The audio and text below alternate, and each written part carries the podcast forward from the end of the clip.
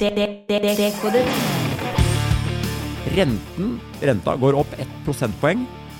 Alt annet likt, over tid så vil dette senke boligprisen, altså røftlig da 14 altså. Dekodet. Ja, ja, jeg sitter her og gliser litt, for jeg er litt, jeg er litt skadeskutt. Så for lytterne og andre må jo eh, må tilgi meg hvis, hvis jeg noen gang plutselig blir!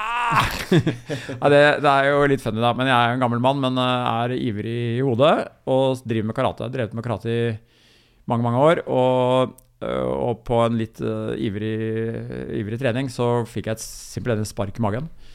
Øh, på, på en litt sånn forkjært måte, da, for det, dette skal vi jo tåle som karateutøvere. Høres ut som du har svart belte, forresten. ja da, og hatt det en god stund, altså, bare for å ha sagt det. Men, men eh, det sparket kom litt sånn gæren vinkel og litt, av flere litt uheldige faktorer. Og så fikk jeg da slått opp en gammel skade. Så eh, forrige uke, for åtte dager siden, så var jeg på operasjon, faktisk. Og måtte få det fikset på, da, hvor de satte inn et sånt nett og det, diverse ting. Og så var jo jeg litt tøff da, tenkte at dette, dette fikser vi fort og er raskt tilbake. Men jeg, ikke, jeg kjenner at jeg, Ja. noe har skjedd nedi magen, altså. Ja, men det er bare en uke siden. Ja, det, er, det er bare en uke siden, men jeg jeg har også allerede kjøpt nye ski som jeg hadde gleda meg til å bruke på til helgen. Det skulle liksom være min belønning for å ha gjennomgått operasjonen. Da. Men det spørs om det kanskje er litt kørka. Altså. Så jeg driver lurer på eventuelt gå uten staver. da Ja, ok. For det er visstnok det de ikke liker. Det er liksom den der ekstra belastning på det Ja. at jeg har gjort noe i buk, bukhulen. da Du slår meg som en fyr som ikke hører på legen og bare gønner på. Altså, Ja, eller balansen i hvert fall. Jeg prøver å være liksom litt lydhør, men så er det jo litt sånn at jeg, jeg tenker at jeg er jo ivrig òg. Så er liksom til enhver tid en balanse med å være liksom, kall det flink pasient, men også Ja. eh, engasjement i livet, da. Så jeg vil i hvert fall ikke liksom sette meg hen og så bare Ok, nå tar jeg en måned, tar jeg en måned fordi jeg har vært operert. Nei, ikke sant. Men må Så- du ha medisiner? Er det smertestillende nå? Jeg fikk noen heftige saker uh, første dagene som, jeg, som, jeg, de telte opp sånn 50 ganger har vi gitt noen riktig antall, og antallet, det antallet jeg fikk var tre. Så jeg antar det var ganske heftige saker. Og det funka skikkelig. Jeg tok to av dem. Ja. Og så har jeg en sånn tilfelle rottefelle som jeg har spart på. da Ja, så nå, Men så innimellom så er det noe gammeldags Paracet og sånn, da. Ja, det er det som funker best jeg ikke drøgga opp eh, av noe kunstige midler. ikke noe morfin? Ja, nei, det er bare kaffe nå. Ja, ikke sant. Ja. Du, vil ha kaffe, forresten? Det er helt, uh, Ja, jeg tar gjerne litt kaffe. Ja, ok. Det står faktisk nede, da. Men da, gi meg ett minutt, så Ja, er vi veldig bra. Kan ikke ha podkast uten kaffe. Det er jo helt sykt. Kan ikke ha liv uten kaffe. Kan ikke ha liv uten Nei, jeg er. Ja, jeg, jeg er veldig glad i kaffe og liker smaken, men jeg er også sånn skrudd sammen, litt sånn natural wired. Ja. Så jeg må være litt forsiktig med når jeg tar kaffen. Ja. Så øh, Min kone for eksempel, hun blir veldig lite blid øh, på meg hvis jeg tar det veldig sent. Ikke sant? For du, Da får du ikke sove. Sånn, ja, da blir jeg sånn bananas. Ja, ikke sant? Når, hva er grensa? Jeg jeg pleier å sette grensa klokka fire. ja, det er samme som meg, faktisk. Mm, Det er no go etter det, altså. Ja. Det er noen som kan liksom bare bæle med kaffe har til sett det og undre meg, og var ute på middag for ikke så lenge siden, og da var det noen som liksom fikk som tok kaffe klokka elleve. Liksom. Tenkte hva, hva, Ja, Mutter'n er sånn, vet du. Null stress. ja. Sovner en halvtime etterpå. Opp tidlig, no stress. Er veldig, veldig sånn merkelig. Jeg har jo blitt fortalt at halveringstiden til koffeinen er fire timer. Og det skulle man jo tro liksom var universelt for alle mennesker. Ja. Så, da må, så det må jo bare være det at de andre menneskene liksom tåler det, da. Eller, jeg, eller Ja. kan sove. Fordi jeg blir skikkelig oppspilt av det. Altså. Ja, samme her. Kan være noen nocebo-effekt inni bildet her, eller et eller annet sånt. Ikke sant? Ja. Men snus er avhengig av det. Nei, det, det klarte aldri- aldri Aldri, snusa? aldri snusa. Ikke røyka heller? Nei, ikke bare det. Jeg har, jeg har virkelig ikke engang tatt ett drag røyk. Er det sant? My whole life. Ja. Kristen bakgrunn, altså. Nei, jeg er jo ateist, har vært det lenge. Så det er mer at eh, Ja, altså, jeg var jo, har jo alltid vært veldig idretts, uh, idrettsinteressert. Og da jeg var ung, så var jeg liksom såpass dedikert at jeg var veldig forsiktig med alt sånne, sånne ting som ville sette treningen tilbake. Jeg drev med friidrett på, på gymnaset, og da drakk jeg ikke engang alkohol. Det er sant. Så jeg gikk gjennom russetiden uten Jeg, tok, eh, jeg var den i russekullet i Larvik på 230 elever. Og jeg var da en av to som tok eh, bjella i lua istedenfor Ja, uh, kork. Og det viste seg å være faktisk eh, ikke så bra. Det var ganske farlig. Ja. Altså Jeg drakk åtte liter melk på tolv Ja, ikke sant. Og det har jeg blitt fortalt etterpå at det Jeg drakk jo ikke melk da i flere år etterpå, Nei, for det skjønner jeg. tålte jo ikke sunnet. Men da var det Jeg har blitt fortalt at det kanskje kunne vært veldig dumt, Ja. fordi det var for, sant, det er for mye melk. Ja, Og jeg måtte jo presse det ned. Men jeg syns jo det i ettertid var liksom gøyalt, for da var det mange flere som hadde korklua enn en bjellelua. Ja, Da har du tatt, tatt det igjen i senere tid, for finanslivet ja, så, er vel jo Der er det ja, så bratt flaskeføring. militæret, da. Og i militæret så kan vi si var liksom befriende og forløsende, da. Så da var det mye action. Ja. Da var det onsdag, fredag, lørdag. Gøy. Så Nei, men altså, ok, du har svart belte i karate. Du har svart belte i eh, samfunnsøkonomi også. Professor i samfunnsøkonomi, er det riktig å si, eller? ja.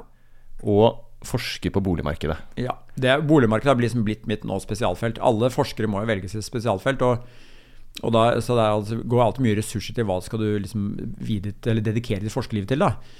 Og jeg startet ut egentlig med, med ressursøkonomi, eh, natur- og miljøøkonomi, eh, olje. ikke sant? Men så ble jeg veldig fascinert av det som foregikk eh, på boligmarkedet. Dette er jo way back, jeg er jo en gammel mann. Dette er jo over 20 år siden. Og så tenkte jeg vet du, at dette her er, dette er et morsomt område å forske på. Og er, på den tiden så var det Jeg opplevde det i hvert fall som det var mye ugjort. da. Nå har det jo blitt, det blitt et hot tema etter hvert, men det ble egentlig hot uh, først etter finanskrisen. Før finanskrisen så var holdningen noe sånt som at nei, bolig det er ikke spesielt interessant. Uh, det er finansiert av gjeld. Gjeld som vi vet er ikke noe problem overhodet, fordi det er et nullsumspill. Altså hvis, hvis, du skylder meg mm. 1000 kroner, og så har jeg en fordring på deg på 1000 kroner, så er jo det går opp i opp. Enten så taper du det, eller mister du 10 000, eller jeg. Så det er ikke noe problem. Men så viste det seg jo da at den teorien om at det, det var, tok jo virkelig feil. ikke sant? Fordi, mm. og, og, hvorfor det? Jo, fordi hvis det er et gjeldsproblem, så tar det veldig veldig, veldig lang tid å finne ut av hva som er egentlig Hvem har egentlig rettighetene til de pengene som da tross alt fins, eller de realressursene som fins. Og i den tiden, det kan jo ta årevis, så står jo de ressursene og bare venter. ikke sant? Du ser for deg en fabrikk som det krangles om hvem som eier. Mm. Og det, ikke, det, boet kan ikke selges før den kranglingen er overstått. Og i mellomtiden så står den fabrikken der ikke sant? med hengelås på utsiden. Og jeg sier dette fordi f.eks. For Lehman Brothers da, Nå er du så ung, så jeg er ikke sikkert du husker det, men det var jo Lehman Brothers-konkursen husker det, ja. ja 2008 som på en måte velta hele det finansielle systemet. Og jeg ble fortalt at altså Nå har det gått 15 år, da, men jeg ble fortalt for noen år, få år siden at de fremdeles kranglet om det boet. Okay. Altså type sånn 10-12 år etter. ikke sant? Ja. Og dette er jo viktig lærdom for samfunnsøkonomene. fordi i lærebøkene så er det noen ganger sånn at vi bare antar at dette er fikses over natta. ikke sant? Du flytter på den på en måte den ressursen, traktoren eller fabrikken eller whatever it is. Men i virkelighetens verden så tar dette her kjempelang tid. Og det betyr jo også at gjeld er veldig problematisk. Mm. Fordi hvis du har noen gjeld som du kan Altså, gjeld er jo en peker på noe reelt. Så i, i, en eller annen forstand så er jo ikke vi økonomer opptatt av papirting. Men vi vet at papirting, gjeld, penger, det er veldig, veldig nyttig fordi det er et hjelpemiddel til å finne ut hva, hvem som eier det ordentlige. Og det ordentlige i dette tilfellet det vil jo være fabrikker og naturressurser og infrastruktur. ikke sant? Alle disse ekte fysiske, reelle tingene.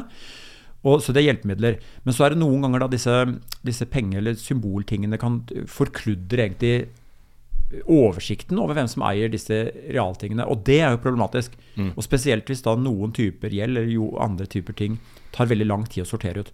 Og det er jo bakgrunnen for at veldig, veldig mange myndigheter verden over er og veldig opptatt av boligmarkedet. Mm. Fordi det er jo det, er jo det den asseten, eller den realressursen, da, som veldig mange mennesker er involvert i. Og da ja. snakker vi jo ikke bare husholdninger, de, mange har jo boliger, men også banker er involvert i finansieringen mm. av dem. ikke sant?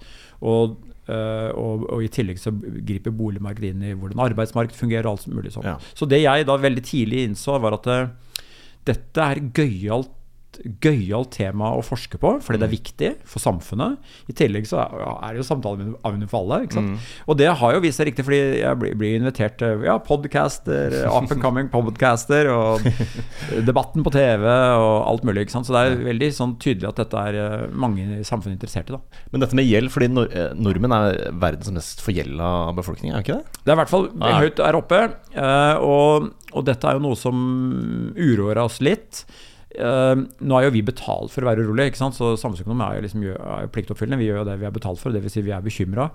Men uh, så er spørsmålet liksom graden av bekymring. Uh, og hvis du spør meg, så er jeg liksom på en måte passelig bekymret. Men jeg er ikke sånn enormt bekymret. Det har litt å gjøre med at gjelden eller en gjeldsgrad kan ikke ses uavhengig inntekt og rikdom. Nei. Ikke sant? Du kan tenke deg at hvis du, hvis du på, annen, på, et eller annet tidspunkt har akkurat så det holder, og så tar du litt for mye, eller så er det problematisk. Men hvis du blir rikere enn det, eller får høyere inntekt, så trenger du ikke å spise biff to ganger. Nei. Så på et eller annet tidspunkt så kan den, den gamle tommelfingerregelen om at du aldri må ha mer enn tre ganger inntekten din i gjeld, den kan jo flyttes. Og nå, eh, Finanstilsynet og sånn, ikke sant? disse utlånsforskriftene osv. sier jo nå femgangeren. Ja. Og det, det reflekterer jo bl.a. det at vi har blitt så mye rikere at vi kan håndtere Ikke kun det, for det reflekterer også at rentenivået varer lavere enn det var før. Eh, men det er noe å tenke over at det er ikke, det er ikke sikkert at det er sånn veldig farlig at vi har høy gjeld i Norge. fordi vi er såpass velbeslåtte at vi kan håndtere dette her. Men det må være en smertegrense et eller annet sted? Vi kan ikke låne åtte ganger Det er inntekt? helt Liksom. riktig. Og derfor er det jo heller ikke tilfeldig at i forskriften så er det da en, en grense. Mm. Altså Du skal i prinsippet ikke få lov til å låne mer enn fem ganger inntekten din. Det er noen unntak, og, og bankene har lov til å gjøre noen, eh, noen diskresjonære hensyn og sånn. Men det er jo fordi at eh, det er jo inntekten din som til slutt skal betale det, dette her. Mm. Og hvis, hvis gjelden din er såpass mye høyere enn inntekten din, så kan det gå hvis renten er veldig lav. Mm. Men så kan jo renten stige, og ofte så har jo et land styr på rentenivået sitt selv. Kan jo, Norges Bank kan jo bestemme renten. Men Norge er et lite land, og, og renten kan ikke settes i et vakuum. Hvis alle andre renter i verden der ute stiger, så står jo Norges Bank overfor et valg. fordi det naturlige er da å tenke at vi må også følge med med renten. Øh, de kan jo la være, men det får jo altså noen andre konsekvenser. Og da får det bl.a. det konsekvensen at øh, valutakursen vår blir svak. Og hvis valutakursen blir svak, så blir alt det vi kjøper fra utlandet dyrt. Og da, da på en måte rammes husholdningen da ikke, ikke, sant? ikke av renteeffekten, men av dyrhetseffekten. da. Okay, Ja. ja. ikke sant? For da alt som vi kjøper i utlandet, må da Ja, ja. betales mer kroner for. Så åkke som, så, kan, eh, så er Norge et bitte lite land og, og må forholde seg til verden der ute. Og det vi har lært de siste, liksom, siste månedene året, det er jo the hard way, det er jo at uh, Norges Bank ofte må følge, på, følge med på rentebevegelsen der ute. Og det, det er jo litt sånn oppoverbakke, bratt læringskurve for noen, da, særlig unge, ikke sant? Som, som på en måte har blitt vant til veldig, veldig Ja, lave I lange perioder, Det er veldig lett å betjene rentene hvis Ja, renten ja. er null. Ikke sant? Nå har den ikke vært det for, for, for boliglånsrenten, da, men den har vært veldig lav. Og nå er vi inne i en periode hvor den er mye høyere enn den har vært. Og Det er fortsatt lav relativt sett, ikke sant? Det er sånn historisk sett, i hvert fall. Det er, det er altså sånn at hvis, hvis du hadde, det er jo sånne morsomme øvelser som økonomer alltid gjør. Hvis du, de tenker seg liksom Tenk at du tok en økonom, og så la, la økonomen i tornerosesøvn, og så våknet opp i dag, da. Og så så du ikke sant, lav arbeidsledighet. Du så Økonomien går jo godt. Og så ser du liksom at rentenivået er på liksom 2 3 %-nivået. Ja. Så vil jo man bli overrasket. For det er et historisk lavt nivå gitt Mm. gitt de andre økonomiske variablenes ganske vellykka score. da. Men igjen, det har jo litt å gjøre med mange ting, og vi kunne snakke timevis om det. Men i, i denne forbindelse er hovedsaken det at, eh, at eh, rentene er høye internasjonalt. Norge kan ikke avvike altfor mye, fordi da vil valutakursen vår på en måte ta støyten. da. Riktig. Skjønner. Eh, og det at vi er så høyt for gjelda, altså det som gjør oss særlig sårbare, er jo da muligheten for en boligmarkedskollaps, eller at veldig mange mister jobben da, og ikke kan betjene lånene sine lenger. Ja, det er liksom uroen. Og, det, og så er det sånn hvordan starter ting. Det, det kanskje enkleste er liksom å, å gjøre det helt sånn konkret. Altså Jensen har et lån, øh, renten stiger. øh, plutselig så begynner det å gjøre vondt. En god stund så vil Jensen da tenke vet du hva, vi spiser havregrøt da, tre dager i uken. Vi gjøre, liksom prøver alt vi kan for å gjøre rom for den renteøkningen. Men det er ikke sikkert at problemet starter med at Jensen misligholder sitt lån, altså går til banken og sier jeg kan ikke betale. Det kan tenkes at Jensen sier vet du jeg, jeg har denne boligen, 140 kvadratmeter, jeg må, jeg må bare reskalere, eller nedskalere, da. Så sier jeg at jeg selger boligen min til 140, og så kjøper jeg nå til 90. Da blir jo da blir, um, da blir gjeldsgraden bedre, ikke sant, fordi vi får mindre gjeld. Og det er fint for Jensen, men så kan det tenkes at mange tenker som Jensen. Ikke sant? Og at det blir et sånn kappløp mot å, å nedskalere gjelden. Og det kunne jo være en, egentlig en mer tenkbar start på et boligproblem enn at man plutselig sier til banken jeg kan ikke betale. Okay. Det er i hvert fall sånn jeg ser for meg at, at man kan starte med at uh, den månedlige utgiften blir så høy at man én, i det ønsket om å kjøpe ny bolig, ser seg om etter noe mindre eller noe billigere. Og to, da byr mindre. Og tre, kanskje også sier, vet du jeg, altså de som ikke hadde tenkt å flytte, men som da bestemmer seg for å flytte for å kjøpe noe billigere. Ikke sant? Da kan du få flere effekter samtidig, som alle tyder på at nå vil vi nå vil vi alle bo billigere. Det er ikke lenger kamp om boligene. Og så, og så vil det føre til ikke sant, en rekke konsekvenser inn i økonomien. Da, det- da vil det også være det at eh, at det er, det er mange der ute som plutselig ser på hva de har i egenkapital. Så sier oi, jeg trodde boligen min var verdt 10 millioner. Hallo, det ser bare ut til å være verdt 7 millioner. Her tror jeg at jeg skal virkelig kjøpe og handle annerledes enn før. Kanskje f.eks. så sier jeg jeg skal ikke ha den sydenturen. Og da er det jo noen turoperatører der som plutselig merkes fallende etterspørsel. Og da er det jo sånn økonomi at, at en persons utgift er en annen persons inntekt. Så hvis, hvis mange samtidig bestemmer seg for at nå skal vi redusere utgiftene, så vil det måtte bety at manges inntekter går ned. Ja. Og da kan det jo starte sånne spiraler, da, nedadgående spiraler. Nettopp, ja. Men kan det også være, et sunnhets, være sunt rett og slett for økonomien? Å Dempe boligprisveksten? Du kan, eh, altså, det korte svaret er ja. Og, og, og grunnen til det er at eh, det er jo ofte balansepunkter i, i økonomien. Og balansen Eller det er ofte lurt å ha noen analogier, i hvert fall så man får på en måte en eller annen sånn idé om hvorfor man tenker seg en jevn fart. Og jeg tenker ofte, ofte da på en eller annen friidrettsutøver som, som, starter ut uh, sitt uh, 1500 meter løp i 100 meter fart. Du får syre med en gang. Det går ikke. Det er, det er, lurt å tenke hvilken fart du skal ha, og sånn er det litt i økonomien òg. Det, det, det, er mulig for en økonomi å produsere over kapasitet. Det høres jo veldig rart ut. Altså Du har en kapasitet, og så produserer du mer mm. kapasiteten. Men det de mener, er egentlig bare at du har en 1500-meter-løper som plutselig løper over 1500 meter fart og løper på 100 meter fart. Ikke sant? Alle kan mm. løpe veldig fort 100 meter. Mm. Men sånn er det i økonomien nå. Vi kan alltids jobbe en lørdag, vi kan alltids jobbe litt ekstra på kvelden. Alle ja. kan det, men vi kan ikke det forever. Og, og de, Derfor er det sånn at eh, økonomer, og særlig da, sentralbanker, de tenker at det, det, er gunstig om vi ser at det er tegn i økonomien som tyder på at nå, nå løper vi 100 meter fart. Oi, vi må dempe denne farten så ikke vi stivner. Uh, og måten man gjør det på, det er jo da å heve renten. Mm. Så det blir litt dyrere å ta opp det lånet. Det blir litt dyrere å kjøpe ting. Det er litt dyrere for et firma å investere. Og det som da skjer, er at du får dempet den, det presset i økonomien. Da. Ja, og det er vel et mål for Norges Bank som ikke er uttalt, men at de ønsker å sende flere ut i arbeidsledighet for å dempe prisveksten. Ja, det, det er jo veldig sånn upopulært å snakke om, eh, sånn at man har villet arbeidsledighet og sånn, men du kan, og dette det er jo litt kontroversielt og hot. Hva er den naturlige ledigheten i nivå, ledigheten, arbeidsledigheten i et økonomi. Mange ville kanskje da uten å tenke for mye da, si ja, det er 0% Det er best å ha alle i arbeid. Men det er jo umulig, fordi det er jo alltid noen som skal bytte jobb. Mm. Og i den perioden du skal drive og bytte jobb, så er det nesten umulig å time det sånn at skal, en person skal si opp en jobb, og så timer etterpå skal det stå en ny person klar der. Mm. Og så den personen som da skal overta den andre personens jobb, skal også stå klar på timen. Mm. Så skal alt stå klar på timen. Så skal du liksom flytte rundt på 100 000 arbeidere ved å si go. Mm. Med at alle er klare på telefonen. Og det, det sier seg selv, det går ikke. Mm. Så du må ha såkalt i hvert fall friksjonsarbeidsledighet. Du må være noen ledige stillinger, du må ha noen ledige arbeidere, sånn at du kan få flyttet rundt på arbeidskraften.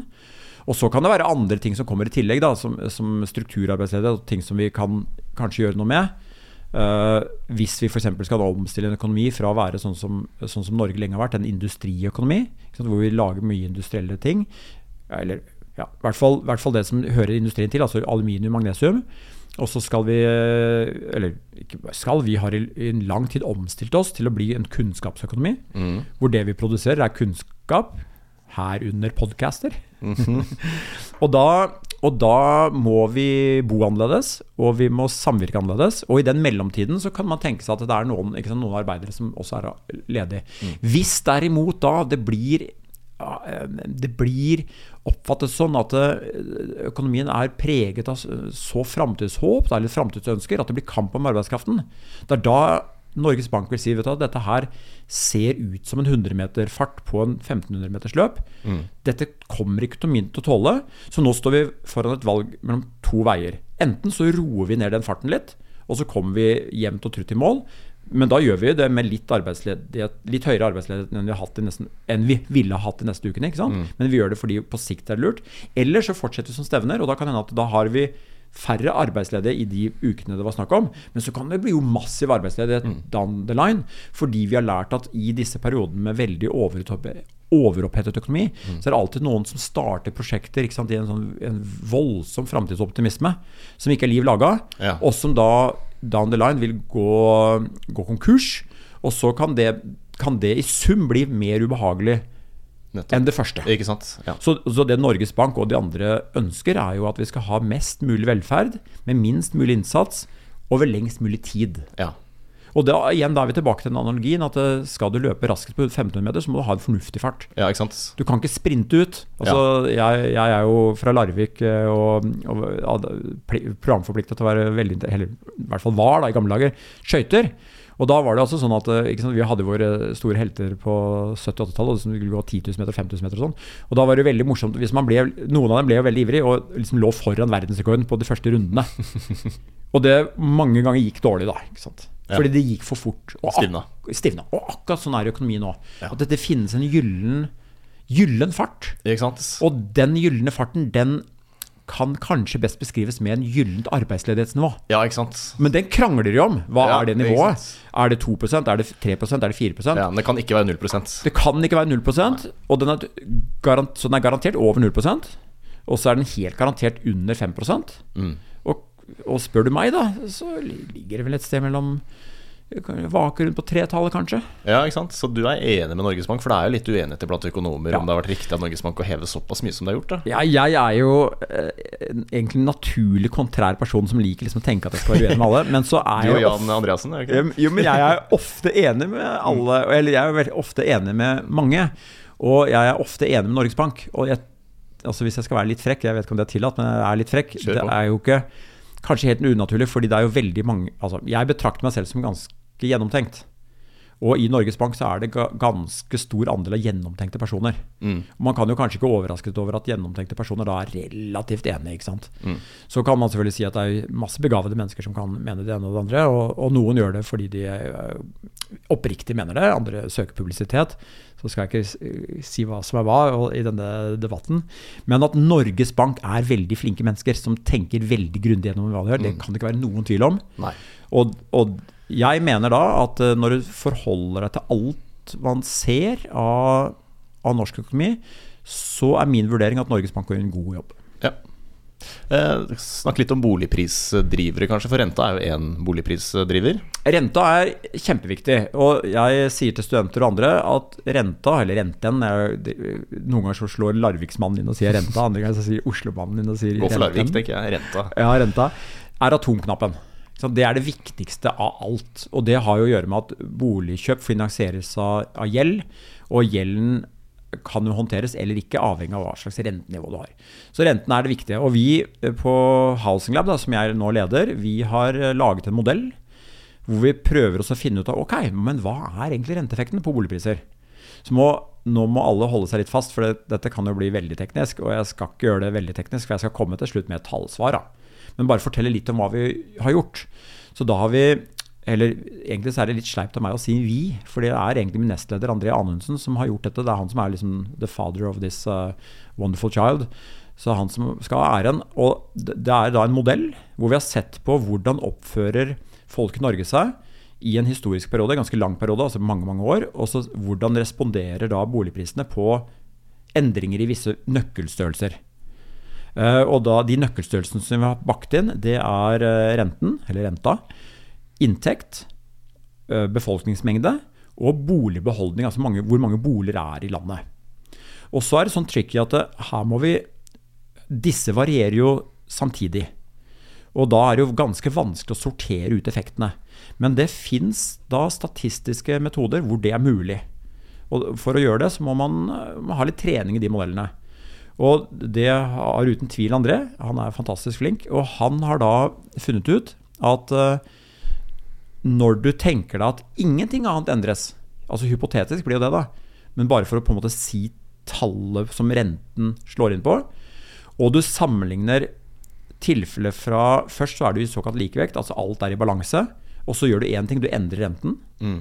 Og så tar det litt tid før det får virka seg ut. Det kan ta tre måneder, ti måneder. Sant? Det vil ta litt tid før alt dette her vil sortere seg ut. Og så sammenligner det med den nye likevekten som vi ser, når alt har sortert seg ut. Hva er da endringen i boligprisene? Hvis renten har gått, renta har gått opp ett prosentpoeng Du, trommesolo. Ja. Ja, svaret er 13,8% Så en enorm effekt. En enorm effekt. Renten, renta går opp ett prosentpoeng. Alt annet likt, over tid så vil dette senke boligprisen, altså røftlig da 14 altså. Ha. Men Så det er alt annet likt. Det er alt annet likt. Og så er det sånn at man må huske på da at uh, ofte så går jo renta opp fordi landet går veldig godt. Mm. Så ofte så går da også inntekten opp. Og når inntekten går opp, så går jo boligprisen opp. Mm. Så det vil selvfølgelig motvirke denne effekten. Dermed så vil vi sjelden se 14 %-tallet når renta går opp, fordi da er det andre, disse andre tingene virker, og kanskje man til og med bygger. Og, og bygging vil jo Det vil jo da i sin tid trekke boligprisen ned igjen, ikke sant? Eller Kanskje man bruker arbeidere til noe annet, så ikke bygger. Da vil det trekke boligprisene opp. Så her er det mange ting. Og dette er litt viktig, fordi i den debatten som har versert litt, i hvert fall i mitt miljø, om, om vi skal bygge mer i Oslo, så er det noen som har sagt noe sånt som at Hallo, det er ikke noe vits å bygge mer i Oslo, vet du, for vi har sett historisk at hver gang du bygger, så går jo boligprisene bare opp. Og det er jo bortimot den mest klassiske tabben du kan gjøre av alle tabber ved å se på tall. Fordi dette er det vi kaller en spuriøs sammenheng. Det du da glemmer, er å stille deg spørsmålet hvor mye hadde boligprisene gått hvis du ikke hadde bygd? Det er akkurat det. Ikke sant? Og, og det er den, det vi kaller den kontrafaktiske Det sant? Det akkurat det. Så dette, denne tabben, som jeg, nå skal jeg ikke nevne navn, men jeg, jeg, har, noen, jeg har litt lyst, for jeg vet Ja, jeg, har- Nei, jeg skal være høflig og snill. Noen, noen andre noen har sagt dette i media, at det er ikke noe vits å bygge fordi vi har sett historisk at boligprisene går opp når det skjer. Ja. Det er veldig uinformert. Og det kan sammenlignes med å si, som, sant, som alle husker fra X-Fill eh, da de begynte på universitetet, at det, er et sammenfall i tid når storken kommer på besøk og barnefødslene øker. Og det er altså ikke storken som frakter babyen i en liksom, liten sånn her, eh, klede. Det er en tilfeldig samvariasjon. Har å gjøre med kalender i det tilfellet. ikke sant? At det, det er varmt i juli.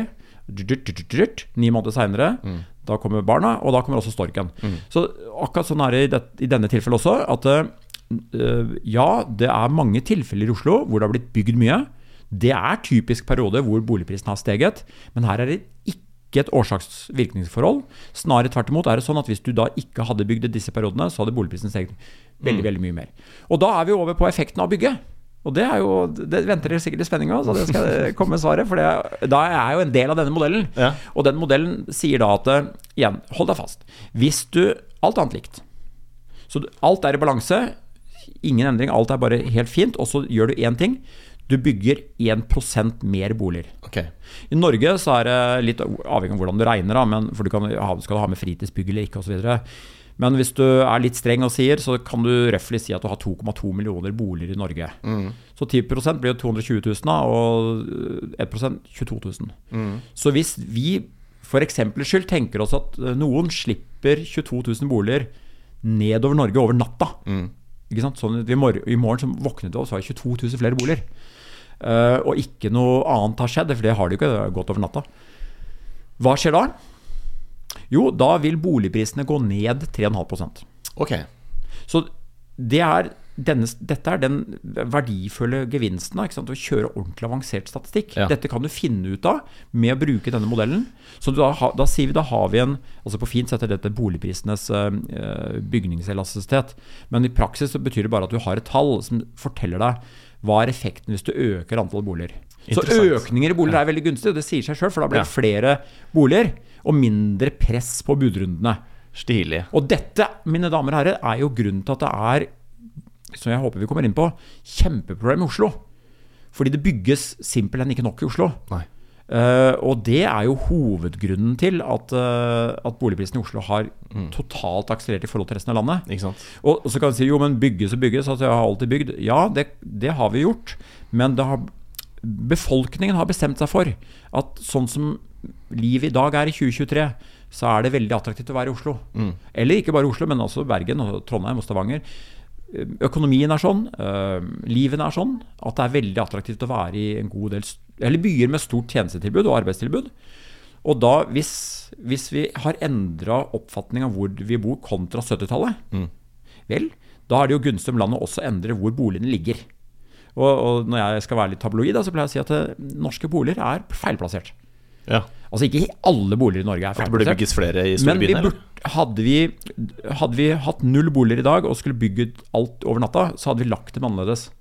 Ja. Og det, er fordi den økonomien som vi lever i nå, den er annerledes enn den økonomien som våre foreldre bodde Ja, ja, Blant annet den gang de holdt ikke på med podkast. Her sitter vi på podkast.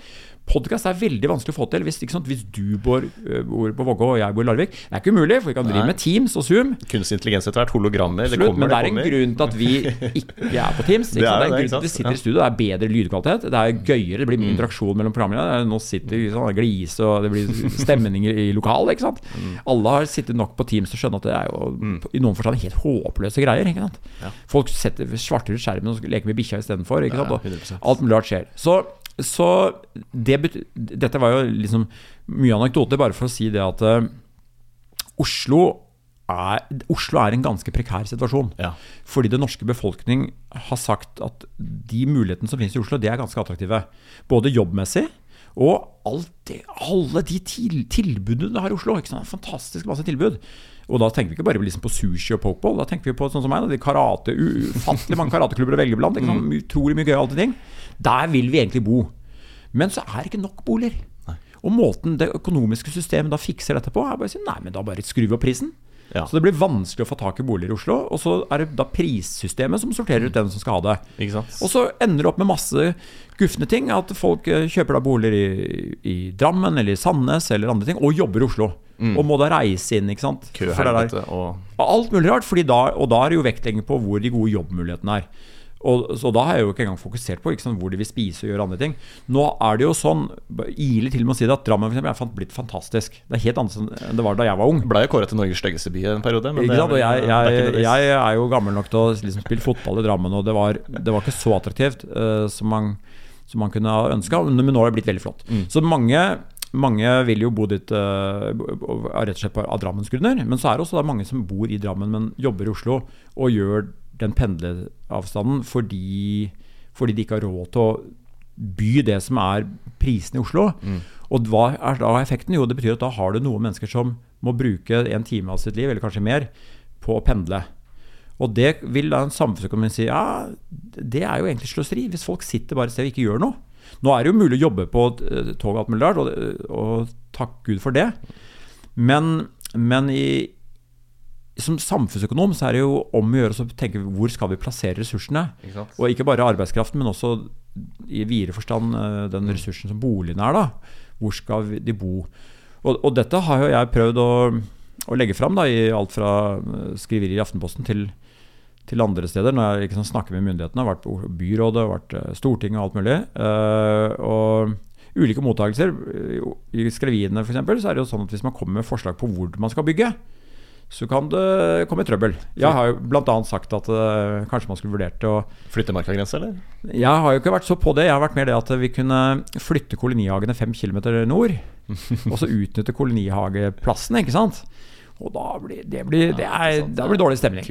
Veldig, veldig dårlig stemning. Kødder ikke med det. Men det som, det, og, for all del kan hende samfunnet skal velge det, men det som samfunnet aldri må glemme, er at det, det har en pris.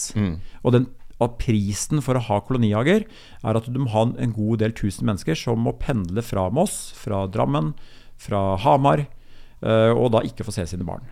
Og så kan man si nei, men det er greit, jeg syns det er fint at de få privilegerte som er i kolonihagen, skal få lov til å nyte det, og så får de andre betale prisen for ikke å se sine barn. Eller man kan tenke motsatt. Og, og Som økonom så er man ikke så opptatt av valget som man er av å kartlegge med den menyen. da. Det er det i hvert fall jeg oppfatter som min jobb som økonom. Det er å si på den ene siden, på den andre siden, og her er de ulike effektene av de ulike Ja, ja. valgene. Bygge høydene, er det en løsning? Absolutt, øh, og, men lettere lenger sydpå enn nordpå. Og det har jo å gjøre med jordklodens øh, helning å gjøre. At øh, om vinteren så blir, står solen lavt her, ikke sant, eh, kontra lenger syd. Og når solen står lav, så kommer den jo inn i en vinkel som betyr at høye bygninger får veldig lange skygger. Sant, Så, det, så, så skyggene vil være helt annerledes i Oslo enn i Roma. Mm. Uh, men så er spørsmålet ok, men hva skal det bety? Skal det bety at hvis i Roma kan bygge 20 etasjer, så skal man bygge 5 etasjer i Oslo, eller 10? Det er jo ikke gitt hva, hvor, hvor høyt man skal bygge. Og igjen da, så har jeg prøvd å finne ut ok, men uh, la oss ta den byer som vi liksom kan sammenligne oss med. Jeg har jo dansk kone. Så er jo stadig vekk København er jo et su og sier København. Ikke, ikke, jeg klarer ikke å si København engang. men Jeg sier København, ikke sant? København. Ja, helt riktig. Og elsker den byen og er der ofte. Og da er jeg jo nærhet nok til å fyke rundt i København for å se ok, la oss prøve å finne områder i København som ligner på ulike områder i Oslo. Sånn vi kan sammenligne litt hva danskene får til og nord- nordmenn ikke får til. Fordi, og dette er da under, ikke sant, under ideen om at uh, det er så vanskelig å bygge i Oslo fordi, fordi det blir, som noen sier, det blir et asfalthelvete. Hvis, du, hvis du bygger, så blir alt bare asfalt og veldig utrivelig. Og jeg har jo tenkt nei, det behøver det virkelig ikke bli. Det er mange måter å bygge veldig fint på, hvor du kan ha grøntareal og skateboardramper og du kan ha alt mulig rart, hvis du bare bygger ordentlig. Men anyway, la oss se hva dansene har gjort, da. Også da er jeg ofte på Nørrebro, der bor svigermor. Eh, Fyker rundt på Nørrebro. Veldig hyggelig område. ikke sant? Der er det jo alt fra sånne veldig kule løpeareal hvor de har laget masse sånne parkanlegg rundt. Hvor du kan ikke bare løpe, men du kan ha med alle sånn utendørs styrketreninger. Og ikke bare liksom ti meter, men altså kjempelangt. Sånn gjennomgående årer rundt på Nørrebro hvor du gjør alle mulige ting. Og så har de laget det gøy, for de har liksom hatt sånne ulike byer i verden som på en måte preger de ulike områdene. Som liksom løper fra Peking til Moskva, liksom. Eller Peking skal gjøre Beijing. Og, og det er veldig, sånn, veldig gøyalt, da.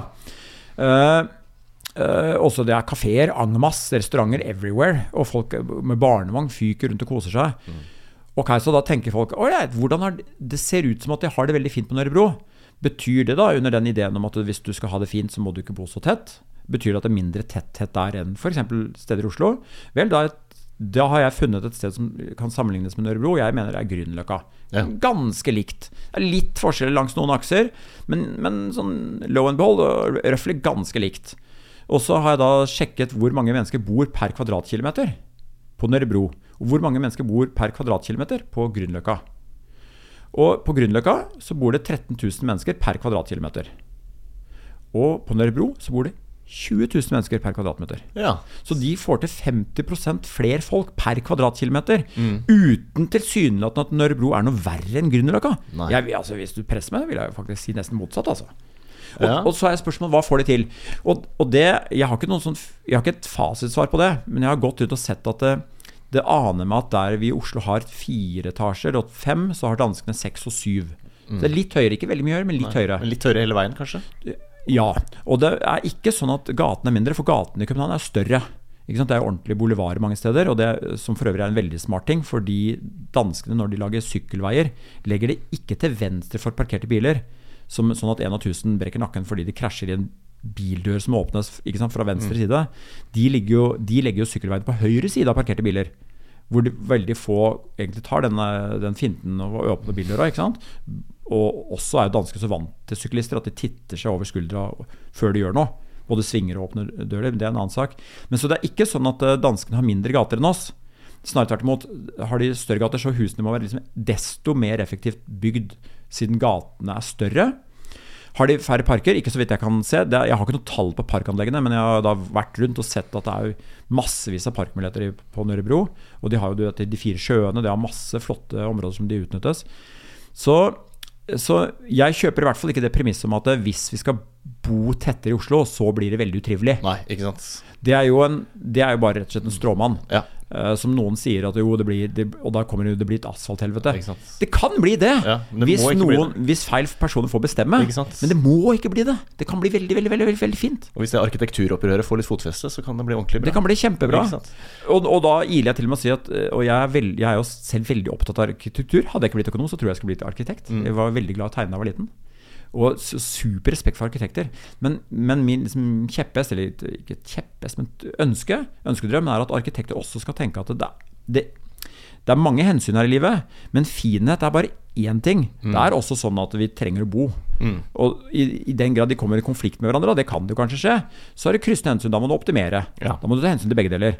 Men det beste er selvfølgelig at du både har veldig fine ting, mm. og plass til veldig mange mennesker. Ja. Nei, det her er veldig interessant. Så Folk vil bo i Oslo, det bygges for lite. Hvis vi hadde bygd 1% flere boliger, alt annet likt, så hadde boligprisene eh, gått ned 3 ja. Og i Oslo, i Oslo så er, det sånn, veldig enkelt å huske, hvis du hadde bygd ja, altså, det er 10, 10 000 flere boliger, ja. så faller boligprisene 10% Ja, ikke sant så ganske enkelt. Da har vi to faktorer som senker boligprisene. Det er renta 1 opp, 14 ja. boligprisfall. Ja. Boligbygging 1% opp, 3% ned. Ja, 3,5. Mm. Eh, så må det være noen andre faktorer her som går andre veien. Da. Ja, og der, er, der har jeg ikke et sånn enkel, enkel, enkelt, et enkelt tall. Altså hvis inntekten går opp, fordi inntekten er målt uh, i forhold til andre størrelser. Men, men, inntektsøkninger vil jo øke boligprisene. Ikke sant? Og, og, og bygningsriving da vil jo også øke prisene. Ikke sant? Mm. Uh, og befolkningsøkning vil jo øke prisene. Mm. Så hvis, uh, hvis, det er sånn at det norske folk bestemmer seg for at nå, du, nå, nå vil vi inn til storbyene, så vil det, da vil vi økonomisk si at etterspørselskurven har skiftet. Det kan hende det høres gresk ut for mange, men det betyr bare at folk, folk skal høre mulig ordentlig larviksk. Folk ønsker å bo uh, sentralt. Ja. Og, det det, og, det er det, vi har sett, da.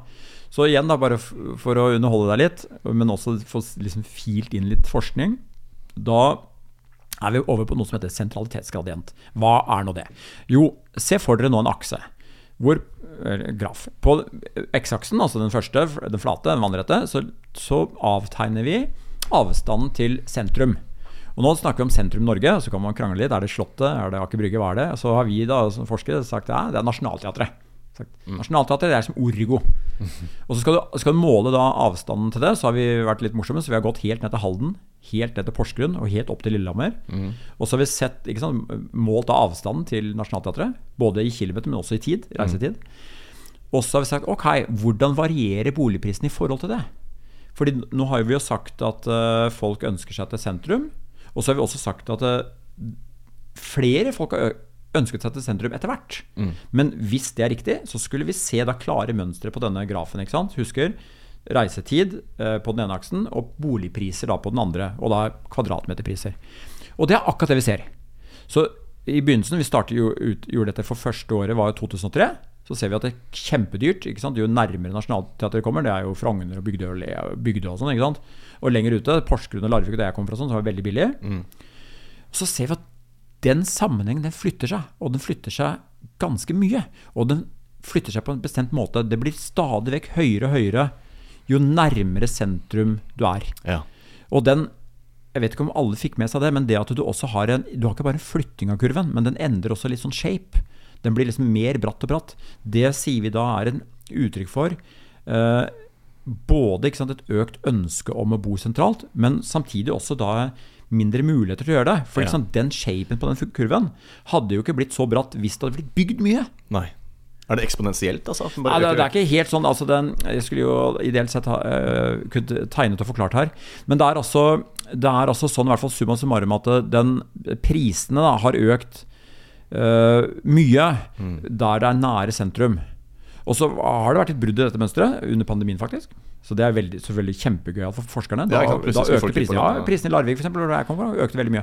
Og da var det jo en veldig stor diskusjon internasjonalt. Oi, er dette nå endring på hele denne såkalte sentralitetsgradienten. At folk nå vil Nå er det plass som betyr noe, for alle vet at du skal hjemme, ha hjemmekontor. Mm. Og ingen vil sitte liksom på kottet og ha hjemmekontor, vil ha ordentlig kontor. Med andre ord må ha større hus. Mm. Hvorfor du større hus? Jo, du får jo det litt ute i distriktene. Så, sånn som min hjemby Larvik steg, steg mye i pris. Og det er helt sant, så det så vi. Og så har den igjen snudd litt igjen. Og så er det store spørsmålet Kommer den helt tilbake, sånn at vi er tilbake til det mønsteret vi så da fra 2003 til 2020? Mm.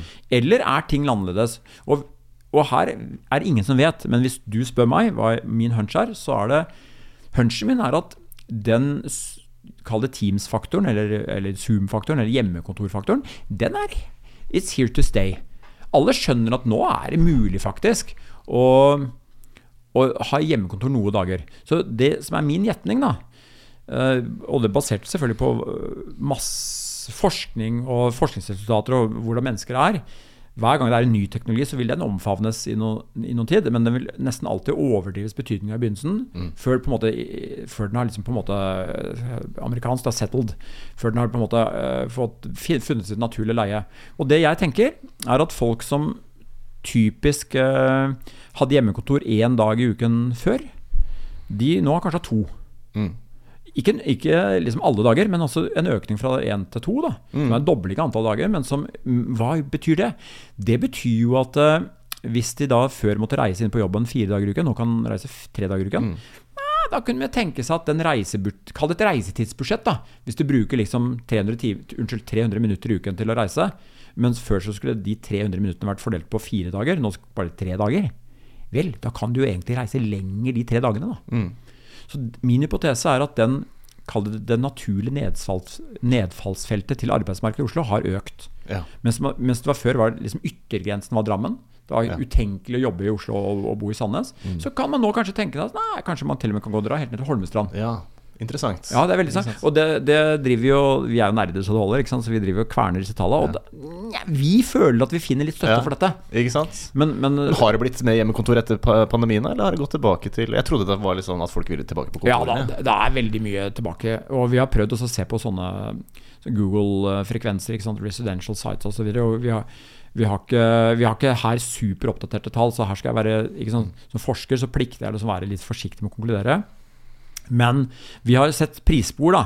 Og vi har eh, Vi mener å fremdeles kunne si at det som jeg snakket om, denne sentralitetsgradienten, den er ikke helt tilbake sånn som den var før pandemien. Eh, så noen effekt, noe effekt har den muligheten til å ha hjemmekontor. Ja. Og Det er også bl.a. derfor jeg sier at jeg, min hunch er at, eh, at ingen vil ha permanent hjemmekontor. Men samtidig så er det nok ganske få som vil liksom være på kontoret fem dager i uken. Ja. Så min idé er bare at antall dager du har hjemmekontor, vil øke noe.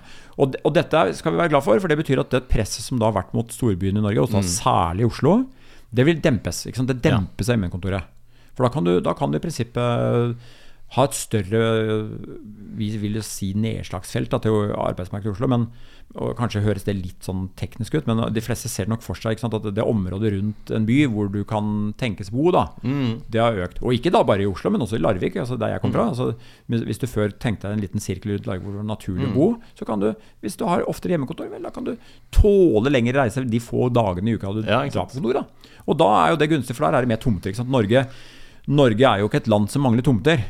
Jeg har jo, jeg har jo noen ganger underholdt folk med, med Harald Magnus Andreassen, som er sjeføkonom i Sparebank1 Marked, som er en fantastisk fyr, og jeg betrakter han som min venn. Og, og vi har mye muntert sammen, men han har noen ganger liksom sagt noe sånt til meg at Erling, du, jeg fløy fra, fløy fra Oslo til, til Bergen i, i dag.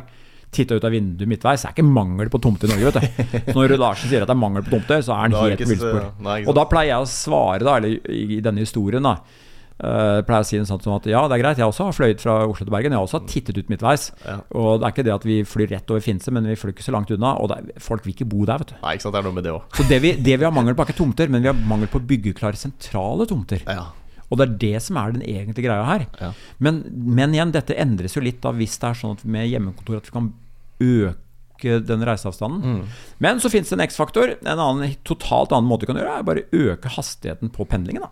Altså, hvis du, Mm. Lyntog og- ja, ja, Istedenfor å kjøre 70 km i timen tog, kan du kjøre 140. da ja, Hyperloop, Elon Musk. alle mulige, så er veldig Men det er klart, energimessig og, og, og dette med bærekraft osv., her må vi jo tenke Det er jo ikke en god løsning å gjøre sånn som folk på Manhattan, at du bare tar helikopter mer. Nei, ikke sant. Det- Det, det funker ikke ikke for alle, i det kan Nei, ikke anbefale. Hvis du heter Trump, så går det kanskje, men uh, Og kanskje en gang i framtiden, om 200 år, så har man kanskje liksom personlige droner som kan, Ja, ikke sant, ikke med en sånn liten dings på ryggen. da lever Hva ikke vi dessverre. Men Men, men Japan, eksempel, som jeg er stum av beundring av, de har jo basert seg mye på togløsninger. Da, ikke sant? Mm. At du kan ha store befolkningsmengder med relativt altså Du blir overrasket. Japan det er ikke så høy bebyggelse, men de har masse vanvittig tog. Da, ikke sant? det er problemet i Norge, at det toget kommer faen aldri på tida, ikke sant? det er, det er både dette med tiden, og det som er enda verre, er jo at Nå er jeg ute av småbarnsfasen, da, men da du var i småbarnsfasen Det du virkelig var redd for, var jo det at, eh, at toget ikke gikk, eller at du ikke kom deg hjem.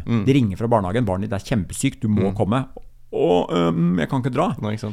Og, og det kan jo være så prekært at folk tenker Jeg kan ikke ta risken på det. Jeg kan ikke bo i Asker når jeg har småbarn. Jeg må, jeg må bo nære, sånn at jeg kan i verste fall holdt på å si jogge hjem eller sykle hjem. Og dette er en reell bekymring. Og, og, og det, vi ser det også i forskningen, at hvis, hvis eh, kollektivtilbudet er billig, sikkert og effektivt og raskt, så påvirker det prisene. Mm. Så, så tenk deg Follo, da. Jo, det, vi har sett dette. Nå, vi har ikke publisert noe på det, og kanskje er det bare noe vi har rota litt rundt i data. Men det er i hvert fall sånn at når, eh, når, når tanken om at du kan få en Follobane åpner, så vil det påvirke prisene. Ikke sant? For å si, mm. Oi, her er plutselig så endret totalt reisetid. Og så er det jo da Forferdelse å lese at, at de surrer til med den tunnelen. Det er fortsatt ikke åpna, eller? Jeg har ikke satt meg Nei, det er ikke det. Det er, det, så vi- det er vel ikke engang noen noe, tidsangivelse for når det skal komme. Og dette er jo trist, eh, for vi liker jo å være stolte at vi får til ting i Norge. Ja, bortsett fra tog. Altså, det er i hvert fall sånn at når man reiser til Japan, og sånn som jeg da har reist med Shinkansen, så blir det så Du blir så full av beundring, for der, der er det jo ikke nøyaktighet på minuttet, liksom. Det er min- nøyaktighet på sekundet. Samme i Sveits. Har vært i Sveits et par ganger. Det er helt nydelig. Ping! Klokka tolv. Så, så eh, som jeg sier til folk, altså du kan du, hvis, det blir, hvis det blir kø på bilveiene, så blir det også kø på visningene. For folk vil kjøpe seg vekk fra den pendlerkøen. Men et alternativ til det er jo selvfølgelig å fikse at folk reiser kollektivt. Mm. Og så har du da et eh, tredje alternativ. Det er jo det at folk kan kalle reise digitalt. Da. De kan jobbe hjemmefra. Alle disse tingene vil være ting som vil påvirke boligmarkedet. Mm. Og når du summerer opp alt dette her, og du øh, har selvfølgelig beholdt drømmen om at vi skal både ikke bare ha tog til Follo, men vi skal, vi skal ha T-bane til Fornebu, som du nå var, har du holdt på i nesten et kvart århundre. Det er jo med synd og skam å melde at vi får jo ikke til ordentlig å bygge skinner i Norge. Nei. Så det er nok ikke en farbar vei for løsningen. Og da vender jeg tilbake med at vi kan håpe på at digital eh, kontor, hjemmekontor, kan bli løsningen i Oslo. Men inntil videre så hadde jeg tippet at ønsket om å bo sentralt, det vil være ved. Og det Ja. må realiseres ved fysisk å bo i området. Mm. Med andre ord, eh, jeg kan ikke se at vi kommer utenom det å, satse på bygging i Oslo. Men- Og da er vi over på en utrolig spennende felt som, heter, som, er, som er motstand mot dette. Ja. For det er ma massiv motstand mot dette. Miljømotstand, kanskje, først og fremst? Ja, Miljø og ikke bare det, men også folk vil jo liksom Veldig mange mennesker som bor uh, godt, eh, vil jo er jo for framskritt, men mot endring. Ja. Så hvis du har en enebolig, da, ligger fint til, har utsikt, og det er stille og rolig og alt mulig rart Det siste du ønsker, er jo en blokk ved siden av. Mm. Altså det, jeg er den første til å skjønne det. At, det.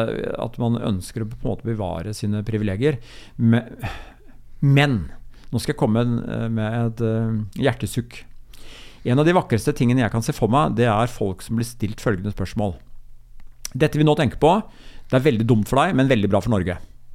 Er du for eller imot? Og hvis folk da sier nei, vet du hva, jeg er for, jeg, jeg, jeg, jeg er villig til å ofre meg på landets vegne. Så utrolig sånn vakker tanke. Så er det selvfølgelig lett å si, eh, tenker folk, her sitter jeg uh, neppe hadde gjort det samme selv. Altså, det, det kan godt hende, vi er mennesker, eh, kjennes jo ved at vi selvfølgelig vil gjerne ha det bra for oss selv. Men jeg skulle ønske i hvert fall den ideen om at vi er et fellesskap i Norge, og dermed må ha felles løsninger. Mm. Og det, det må innebære at vi må omkalfatre litt på f.eks. Oslo. Mm. At vi må, vi må tenke om ok, hva kan vi gjøre da når store deler av befolkningen vil inn hit. Og så må vi i hvert fall ikke være sånn at vi tenker ja, men jeg blåser i de som bor i Tønsberg og som bor i Tromsø og andre som har lyst til å bo i Oslo, fordi jeg har allerede kommet meg inn. Mm. Så, liksom, og dette her er, eh, dette her er eh, et forskningsfelt. Veldig stort forskningsfelt eh, som kalles NIMBY. Skal, for, skal la lytterne være litt sånn i spenning hva det betyr inntil videre. Skal være, før jeg forklarer det, si at det finnes en professor som heter Fischel, som for en, ca. 20 år siden skrev en bok som heter The Home Voter Hypothesis. Og det på norsk blir jo eh, bolig, boligstemmegiveren hypotesen. Mm. Og det som er hans hypotese, og som han har funnet støtte for, er at i lokalvalg så stemmer folk ofte på de politikerne som har gitt løfter om at de skal gjøre, gjøre noen ting som gjør at deres boligverdier vil bli beholdt. Ja. Så hvis du Tenk deg, tenk deg meg, da. Så er Rød Larsen politikeren Rød Larsen. Så går jeg til valg eh, i Oslo og sier at vet du, jeg, skal, jeg skal bygge 50 000 boliger. Jeg. Sant? Så da er 10 000 boliger reduserer boligprisen 10 så dette kan bli massivt. Da får jeg antagelig null stemmer. Da. Fordi folk tenker oi, dette er jo veldig skummelt. Ikke, sant? ikke bare blir stygt, men boligverdiene mine går jo ned. Og, og dette er jo trist at verden er sånn, men man kan ikke bli overrasket over at folk tenker på sin egen lommebok og sin egen egenkapital. Det man kan ønske seg, er en oppfordring til å si at vi er i samme båt. Og, men ellers er det jo da ulike politikkinstrumenter. Da. Og i hvert fall kunne man tenke seg at man skal i hvert fall holde tritt med ønsket om å bo i Oslo, sånn at boligprisene er relativt stabile. Trenger ikke liksom å dumpe masse boliger. Og da er vi over på dette NIMBY. For dette er et internasjonalt begrep som har blitt introdusert for lenge siden for å fange opp denne motstanden. Det at folk er alltid for framskritt, men nesten alltid mot endring. Mm. Så de, vil, de sier ja, skal gjerne ha mer folk i Oslo, bare ikke her. Det var, det var andre sida av byen. Eller, Ikke sant? Og, så NIMBY det står for Not in my backyard. ja. Not in my Og, det, backyard. og dette er jo veldig morsomt, for hvis folk er interesserte, så kan de gå på Google, og da tenker jeg ikke på vanlig Google, men Google Scholar. Sant? Fordi vi som driver med forskning, vi har vår eget. Vi har Google Scholar, Mm. hvor det eneste du får, er vitenskapelige artikler. Så søker du, og så får du opp da masse artikler, ikke bare masse tullball, men du får artikler som er vitenskapelig laget. Og da kan man eh, more seg selv med å gå på Google Scholar og skrive inn NIMBY. Ja. Du får tusenvis av artikler. Dette er studert Vancouver, Beijing, eh, Tokyo, everywhere. Så Mm. dette er et menneskelig fenomen. Folk er for framskritt, men mot endring. ja. Ikke bare Norge. Så, ikke sant? Så, så, så, sånn sett er vi i noen grad litt unnskyldt. Så er spørsmålet er vi flinkere til NIMBY i Norge enn andre steder. Det kan jo tenkes. Eh, Ref det jeg nevnte om Ja. København. Altså København har fått til 20 000 mennesker per kvadratkilometer. Oslo 13 000. Det kan jo antyde at danskene gjør de ting litt annerledes. Er det fordi vi er så mange boligeiere her? For det er naturlig. ikke sant? Jeg som boligeier selv vil jo ikke at prisen på min bolig skal synke. ikke sant? Så jeg ville jo vært imot det. Enig. Og så kan det være litt mer tricky. Det kan jo være sånn at eh, Hvis du igjen holder etter sammenligning med København, da, altså København har noen naturlige fortrinn. Det er flatt. ikke sant? Og så selv om de selv sier at de har vinter, så har de jo ikke vinter. Ikke sant? Det er tre dager med snø. Liksom. Det er veldig enkelt å håndtere. Det er Flatt og, og lite snø gjør jo at det er enklere å, å bygge ting enn i Oslo, hvor det er mange steder veldig bratt. Uh, og i tillegg kaldt med masse snø. Hvor skal snøen være? ikke sant? Og I tillegg til det så er det jo også historiske grunner. ikke sant? København var liksom kongens by og er en storby hvor du ser H.C. Andersens boulevard og sånn er jo reflektert i det. Det var liksom by made to impress. Oslo er liksom en gammel fiskelandsby, nærmest. ikke sant? Det er jo mye smågater, dill og dall. Og det er klart at de, den, historie, den historien der vil jo prege hvordan, hva du kan gjøre.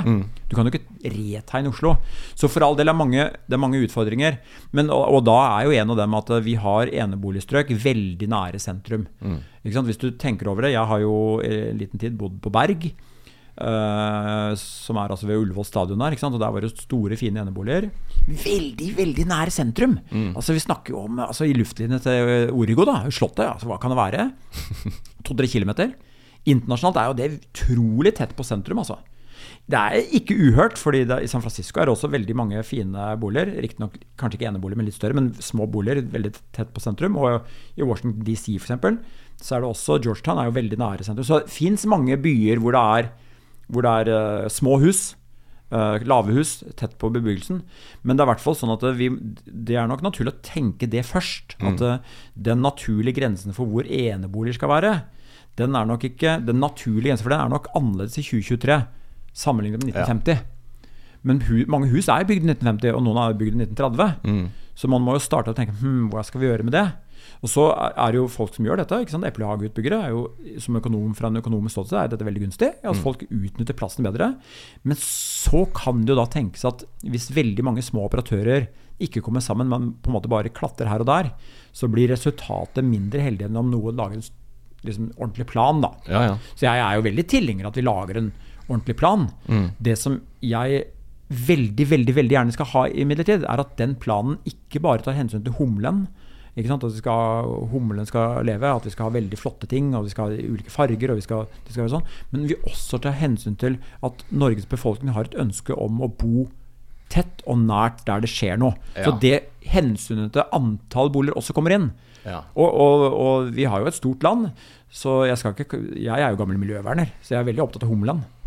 Men vi har jo 375 000 kvadratkilometer hvor humlen kan boltre seg på. Det er ikke sikkert den må boltre seg på Slottet. Det er akkurat det.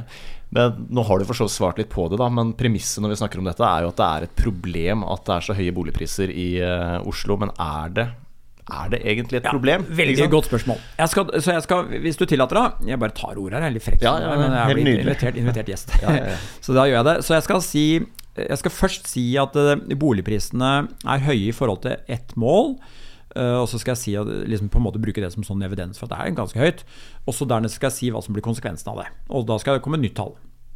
Og det, det, Min venn og kollega Anders Lund har jo beregnet denne sykepleierindeksen. Det er viktig å presisere at det er Anders Lunds eh, baby. Det er han som burde ha æren for dette. Og det han har gjort, er at han da har beregnet hva kan en sykepleier kjøpe, gitt gjeldende regler, eh, nyutdannet, den inntekten som han da finner i statistikken.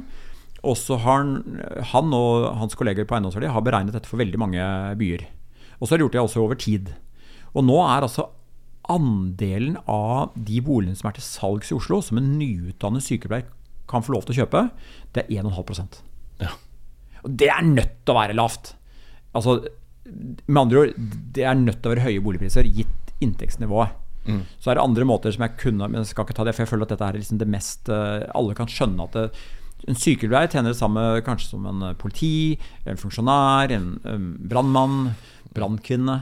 Ikke sant? Alle ting. Og det betyr at det er mange som er i samme båt på den nivå. Og at du da kan kjøpe så lite, det er nødt til å være et problem. Og til sammenligning så er vel tallene for Bergen og Trondheim på 20-tallet. Ja. Ikke sant? Og der jeg bor, så er det jo kanskje oppe i 40-tallet. Altså ikke der jeg bor, men der jeg kom fra, Larvik.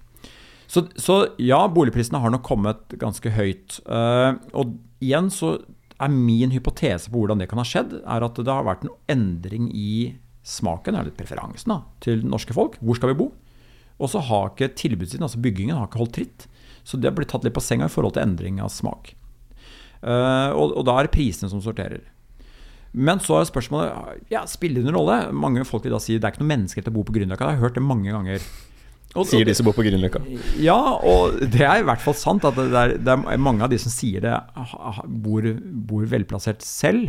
Men så er det også litt sånn at jeg tenker ja, himmelen er blå, fisk, vann er vått. Altså, det, er, det er noe selvsagt over det. fordi altså, menneskerett altså, Dette er jo eh, en filosofisk spørsmål hva som er menneskerett.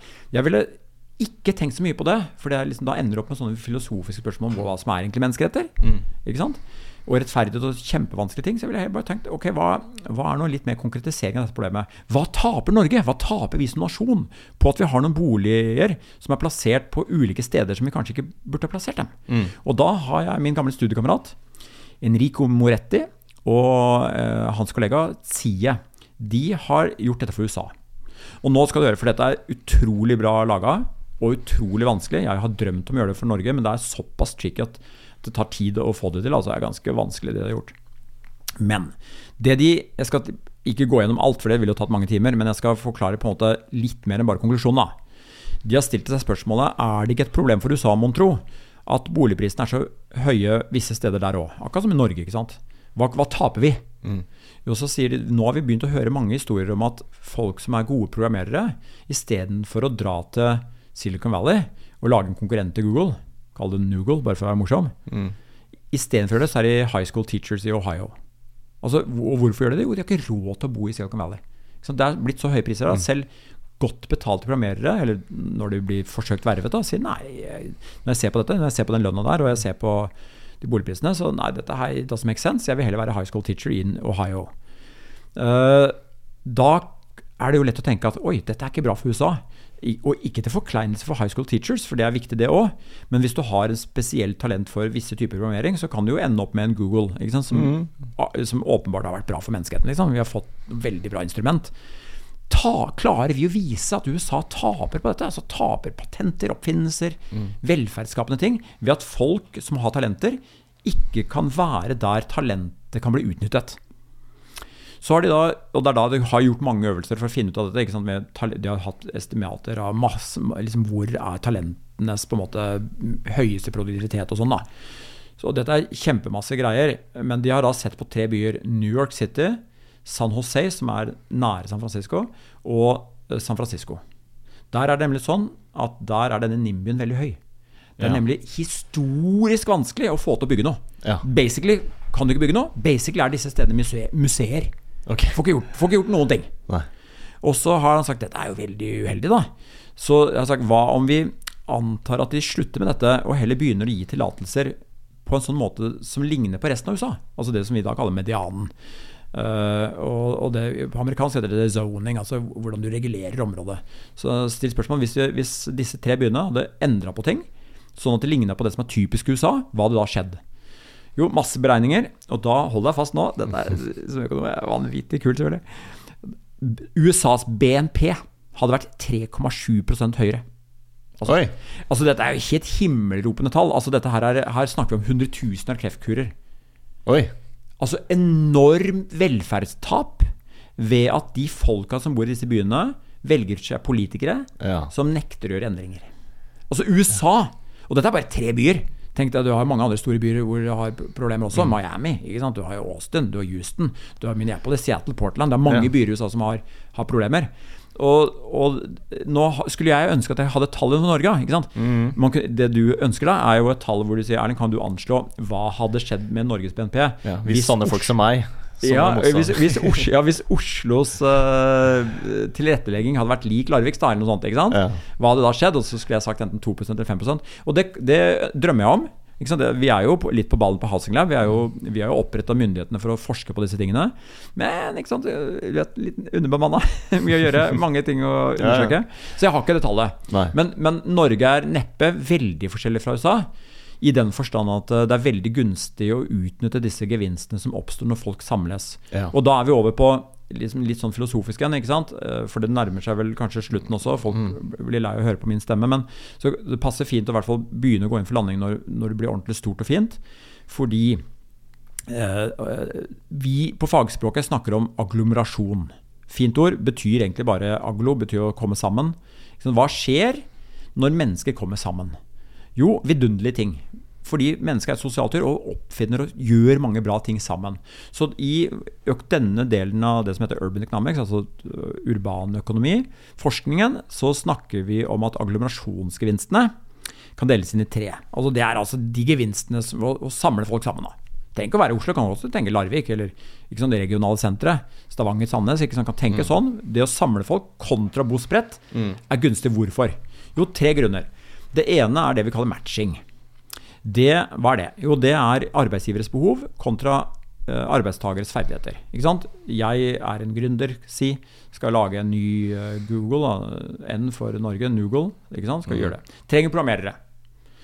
Hvis jeg da har et, tilhører et arbeidsmarked hvor det er lett å få tak i de programmererne, jeg kan ringe dem, eller jeg kan besøke dem, eller jeg kan invitere dem på kaffe, bli kjent med dem, få, få dem ansatt, så er det gunstig. Det, da vil jo mine behov matches med en persons ferdighet. Og det er det vi sier er matching. Og så viser det seg da, etter masse selvfølgelig grundig forskning, at matching er mye lettere når det er et stort arbeidsmarked. Mm. Det er mye lettere å få tak i en Python-programmerer i Oslo enn på Vågå. Mm. Så fint på Vågå, men det er ikke så mange som kan programmere Python der. Nei. Eller Larvik, for den saks skyld. Så det er det ene matching. Det er gunstig å ha store arbeidsmarkeder, for da kan du lett få matcha de behovene. Du får tak i den du vil ha, rett og slett. Ja, ja. Så når du skal ha en podkastgjest, mm. så har du fyr, ja, så har du fyr som bor nedi gata nesten. Kontra at du må, må, kjøre opp til lange, masse snømåking.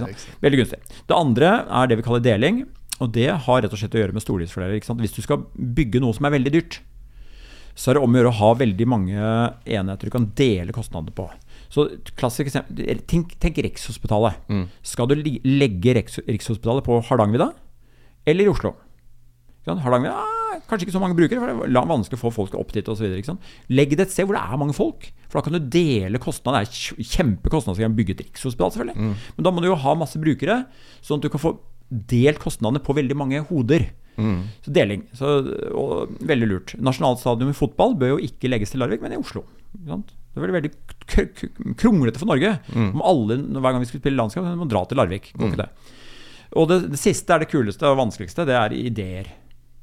Så det viser seg at mennesket er sånn at når det kommer sammen, så får det flere ideer. Ja. Og det er sånn at hvis du går fra to til fire personer, altså du dobler antall personer, så dobler du Så ikke bare dobler du antall ideer, men du Nei. mer dobler det. Okay. Ja. Og, og, og, det er jo litt vanskelig. Og det er mye forskning på dette, og ikke økonomer, men psykologer. Og det psykologer bl.a. sier, er noe sånt som Dette blir jo litt amerikansk, da, men de kaller det adjacent possible. Og det, på norsk oversatt blir det liksom det, det nærliggende mulige. Og her er eksempelet. La oss si du og jeg bestemmer oss for at vi skal konkurrere med Google. Noogle. Noogle det skal vi, her skal vi opprette. Og så sier de det er noen store, viktige ideer vi må få til. Det må gå raskere. Vi må, ha, vi må gå fra A til H. Så har du en idé fra hvordan du går til A til B, men mm. det er din idé. Og så er det noen inne der som kan gå fra D til E. Så hvis de to er sammen, blir det ikke noe. Du går fra A til B, klarer det, men du, nesten, ja, vi får ikke til noe. Mm. Men hvis, hvis, du har mange mennesker sammen, så er det en sannsynlighet for at noen kan gå fra A til B, andre kan gå fra B til C, mm, atter andre kan gå fra Hvor langt var vi? Fra C til D, mm. D til E. Så når du har mange samlet, så kan alle, hver og en kan gjøre små bidrag. Og mange ganger så munner jo dette ut i ingenting. Men andre ganger, once in a while, mm. så får du ikke sant, Google eller noe, noe annet virkelig gjennombrudd. da. Det og det, det, det, viser seg at det er mye lettere å få til når du har mange mennesker samlet. Mm. Og, og, dette er jo inntil videre bare en påstand. Men så har man da estimert. Økonomer, da kommer økonomer på banen. Det vi gjør er at vi sammenligner hele Europa og hele USA, og så ser vi på byer. Og så sier vi at hvis dette er riktig, så skulle vi i hvert fall sett at store byer har flere patenter enn små. Mm. Det skulle jo følge. Patenter er jo veldig vanskelig å få til. Du, kjempevanskelig, faktisk. Dette er jo mange lyttere som neppe vet hvor vanskelig det er å få en patent. Men det er kjempevanskelig, for det må være noe nytt og noe kult. Og du må vise at du er den første, og mm. du er den eneste, og det er din idé. Mm. Så patenter regnes som i vårt fag som veldig sånn gunstig mål på innovasjon. da. Og så er det da hvis, hvis alt det vi har sagt hittil er riktig, så skal store byer ha flere patenter enn små, og det skal være uproporsjonalt. Mm. Det skal være sånn at når du, når du dobler byens størrelse, så skal du mer enn doble antall patenter. Og det er akkurat det vi ser. Ja. Så det tallet da, som er som, eh, som da kan kalle tetthetens eh, Eller unnskyld eh, patent, Patenters tetthetselastisitet. Ja, fancy ja, Den er 0,04. Men jeg skal, istedenfor å si det tallet som ikke noen har noe forhold til, skal jeg forklare hva det betyr. Det som skjer, er at når du, når du typisk dobler Eller Vi vet ikke om det er årsak-virkning, men når du sammenligner byer, s- og så vil eh, så vil øh, patenteringen gå opp Nå husk få dette tallet riktig, jeg lurer på om det er 21% Mm.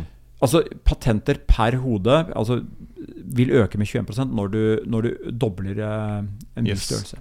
Ha. Så ikke sant, Veldig viktig for innovasjon. Og så hva med produktivitet? altså Bare det å være flinkere ting.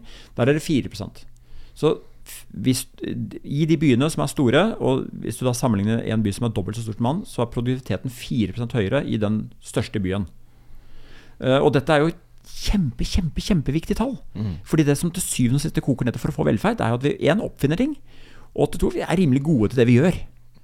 Og da viser det seg at eh, dette med å samle mennesker er en, en Ja. fordel. Så da, det du står overfor nå, er jo uh, En fyr som ikke stemmer på Senterpartiet, i hvert fall. du kan i hvert fall si det sånn. Du tok ordet. Det var det akkurat det jeg skulle si. At jeg er jo jeg er veldig lei meg for at sentralisering har blitt et skjellsord. Ja, ikke sant? Fordi ja. sentralisering er jo noe av det vakreste som finnes. Vi mennesker kommer sammen. Ikke sant?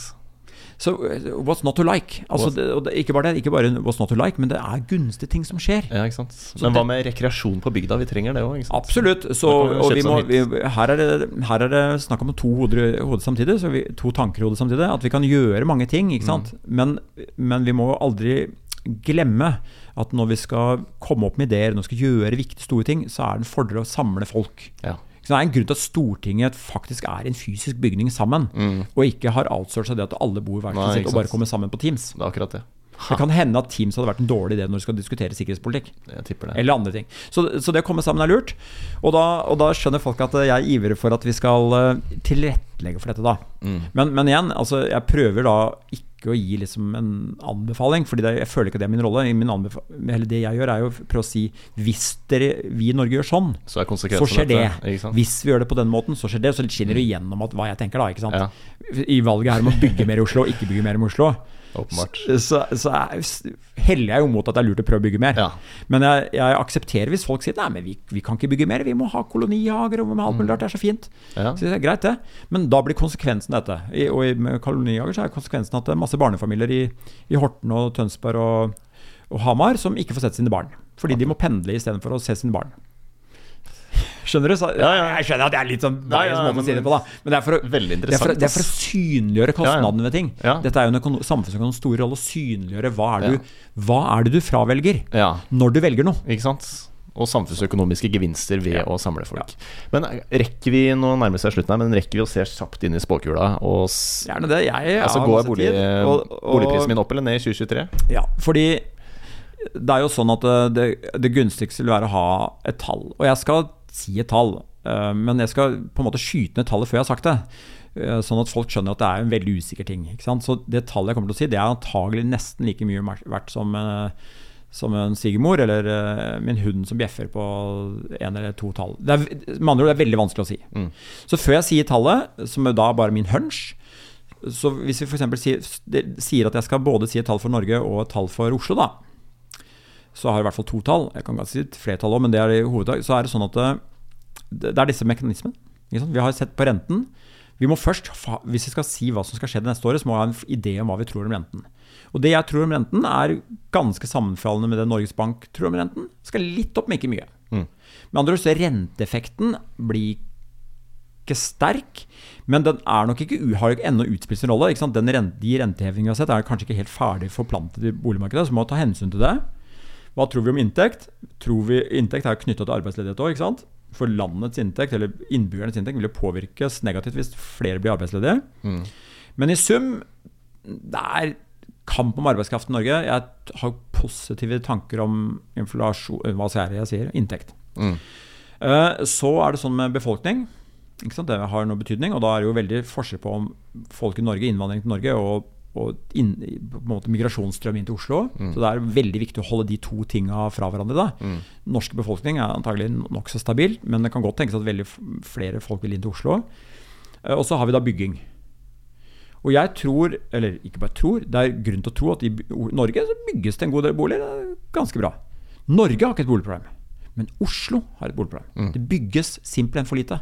Og min frykt er at den siste effekten, manglende bygging i Oslo, den er såpass sterk at den kan til og med på en måte overskygge en del av de andre effektene. Nå kommer jo renteeffekten sammen her, for renta skal litt opp, og så skal bygge bygges lite. Så begge deler taler for at, at, at ja, ja, nå må jeg passe på her. Bolig, renta går opp, selvfølgelig. Det er boligprisene ned. Bygging er lav. Går, så motsatt retning. Stryk alt jeg sa. Eh, vi må balansere ut dette. Jeg sa jenta, for nå ble noen forvirret. Rente opp, boligpriser ned. Ja. Inntekt skal vi si relativt stabil, kanskje. Okay. Ikke noe særlig endring. Oslo veldig lite bygging. Mm. Presser boligpriser opp. Ja. Men på landet ikke samme effekt. Det okay. bygger ganske mye. Så da, da har vi masse effekter, og selvfølgelig så er det usikkerhet, optimisme eller pessimisme, krig i Ukraina, alt mulig rart som kommer i tillegg som jeg ikke tar, tar opp. Hva tror jeg fra i dag til om nøyaktig et år, Oslo? Mm. Jeg tror manglende bygging er en stor effekt, så jeg tror uh, at boligprisen i Oslo vil være opp uh, 4 Fra i dag til om et år. Gode nyheter for meg. Ja, jeg tror det. Dårlig nyhet for de som skal inn på boligmarkedet. Og egentlig jeg som skal opp i bolig, for jeg driver og drømmer om å, å bytte, få tak i en fancy leilighet. Eh, det andre, Norge, der tror jeg det er rundt null. Da tror Ja. jeg disse to effektene vil eh, Eller disse ulike effektene vil liksom på en måte cancel out. da. Så jeg er litt bullish på Oslo, men det, det, det står jo og faller på den ideen jeg har om at det bygges for lite. Mm. Her kan jo jeg ta feil, og da vil jo det resonnementet falle sammen. ikke sant? Og, og renteeffekten kan jo hende kan bite sånn at den, den kan presse prisene ned, selvfølgelig. Mm. Eh, så, men, men det tallet jeg sa, er ikke verdt noe. Nei, det nei, det er interessant. Jeg tar det. jeg. 4 jeg tar det. Veldig bra. Så det mange gjør kanskje det, men, men det, det beste er å tenke på disse effektene, hva man selv tror om det. Ja, Ikke sant? Det skal være nå et kommunevalg. Ja. Kan det hende at, eh, at norsk, eh, unnskyld, Oslos befolkning stemmer på folk som sier at du, nå skal vi prøve å få bygd, f.eks.? Kan det tenkes? Det vil jo e- da endre disse tingene. Veldig interessant. Og folk som har hørt på nå da, og har lyst til å lære mer om eh, boligmarkedet, hvor eh, ringer de deg, eller går de inn på housinglab.no? Ja, det er god, eh, gjerne ringe. Jeg er jo veldig gira, men ofte så skriner jeg callsa mine litt, så det er ikke alltid så lett å komme gjennom. For det er så mange som prøver, ikke sant. Men housinglab.oslomet.no er et fint sted. Ja. Der har vi jo både referanse til artikler vi skriver i avisen, podcaster som vi har deltatt på, og vi har vitenskapelige publikasjoner, og vi har såkalte arbeidsnotater, rapporter, og vi har til og med The, the Bubble Index. The Bubble, Index. viser i den grad det er en boble eller ikke i boligmarkedet Norge. Skal ikke avsløre hva den sier nå. Gå inn og sjekk eh, for yourself. Housinglab.no. Ja, Det er vel housinglab.oslomet.no, så vidt jeg husker. Oslomet, ja. Burde jeg ha kontroll på. Men hvis Google bare it. søker ja, Google it. Det er ikke veldig mange som er eh, housinglab. Erling Røe Larsen. Takk for praten. Veldig hyggelig.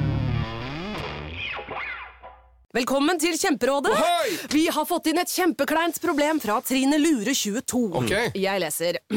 De to andre i kollektivet mitt har begynt å date, og jeg syns det er veldig kleint når vi skal se på TV sammen, og de bare skal kline.